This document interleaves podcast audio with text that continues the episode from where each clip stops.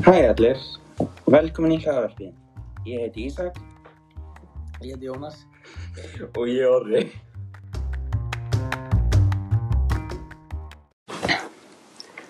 Í dag ætlum við að tala um mikilvægi hreyfingu handa ungmenni bæði fyrir andlega og líkamlega vellíðan.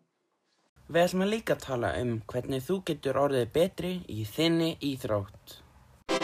Meira hlutin á krökkum æfa einhverja íþrótt, hvort það sé fótbolti, handbolti eða íshokki.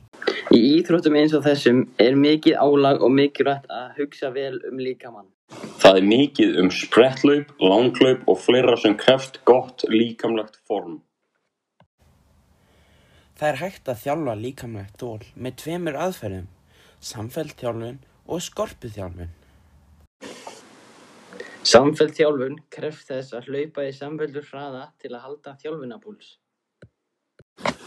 Skorpuþjálfun er mikið gert í til dæmis fótbolta og þeim íþróttum sem krefst að spretta mikið.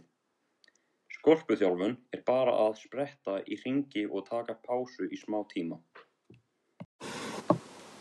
Ef þú ert að hlusta og ert að pæla hvort þið langar í megrun eftir COVID, mælum við með að taka samfellda þjálfun, þjálfun aðferð. Það er, er góð aðferð til að missa fytu. Á þessum tímum þá eigður flestir meiri hluta tímanu sínum sitjandi við tölvu eða í símanum, svo að fá nóga reyfingu á hverjum degi er mjög mikilvægt.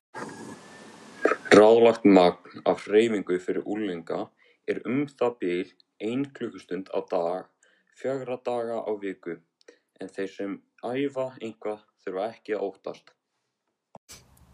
Margar rannsóknir hafa sínt að þeir sem fá nóga hreyfingu fylgjast betur með í skólanum og sofa betur.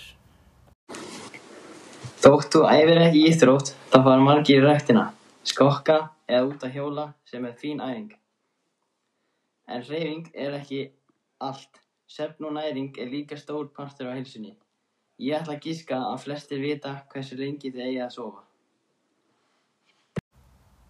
En bara til öryggis, þá er það um það bil 8 til 10 klukktímar. Við ætlum ekkert mikið út í næringu í þessu hlaðvarpi. Endurheimt er mjög mikilvæg fyrir íþróttafólk því vöðvarnir þurfa að hvíla sig og koma nýju súrefni inn í vöðvana eftir erfiða æfingu. Annars myndast mjólkusýra í vöðvunum og þeir stífna. Til að koma í veg fyrir mjólkisýru þarftu að muna að drekka nóg af vatni, hvíla á milli æfinga og hita vel, vel og vandlega fyrir æfingu. Við spurðum líka Ólimpíða fær í sundi og þjálfara Hjalta Guðmundsson tryggja spurninga. Hversu mikilvæg er reyfing fyrir þig? Fyrir mér er reyfing bæði sálræn og líkamlega næring. Ég finna á sjálfum mér að ef ég hreyfi mig reglulega þá líður mér betur, líkamlega og andlega. Mér finnst líka gaman að setja mig markmið, vinna að þeim og fylgjast með líkamannum, komast í betra form og geta áorka meira. Hreyfing getur líka einnig verið félagsleg skemmtun og þegar það gerist þá gleymir maður oft hversu erfið æfingin er, sem er jákvætt en það getur líka verið varasamt ef maður er ekki meðvitaður um sitt líkamlega ástand. Hvernig myndið þú hvetja unga krakka til að halda áfram í íþróttinni sinni? Byrja á því að finna íþrótt sem þeir finnst þykir skemmtileg.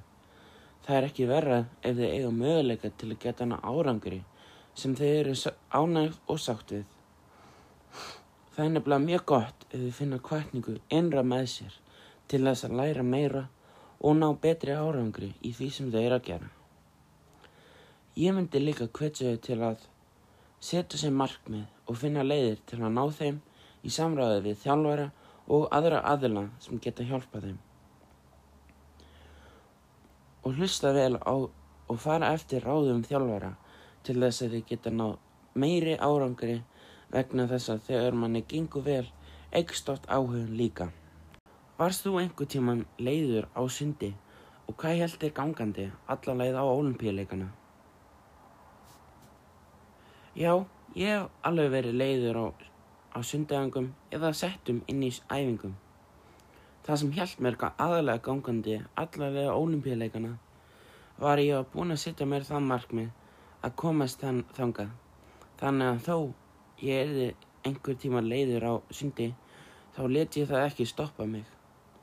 Mér fannst líka gaman að æfa og uppskera bætingar eftir æfingar og fannst líka mjög skemmtilegt að keppa á sundmótum og fara í keppnisferðir. Þetta hefur verið kynningun okkar. Takk fyrir okkur. Og gleðilegur.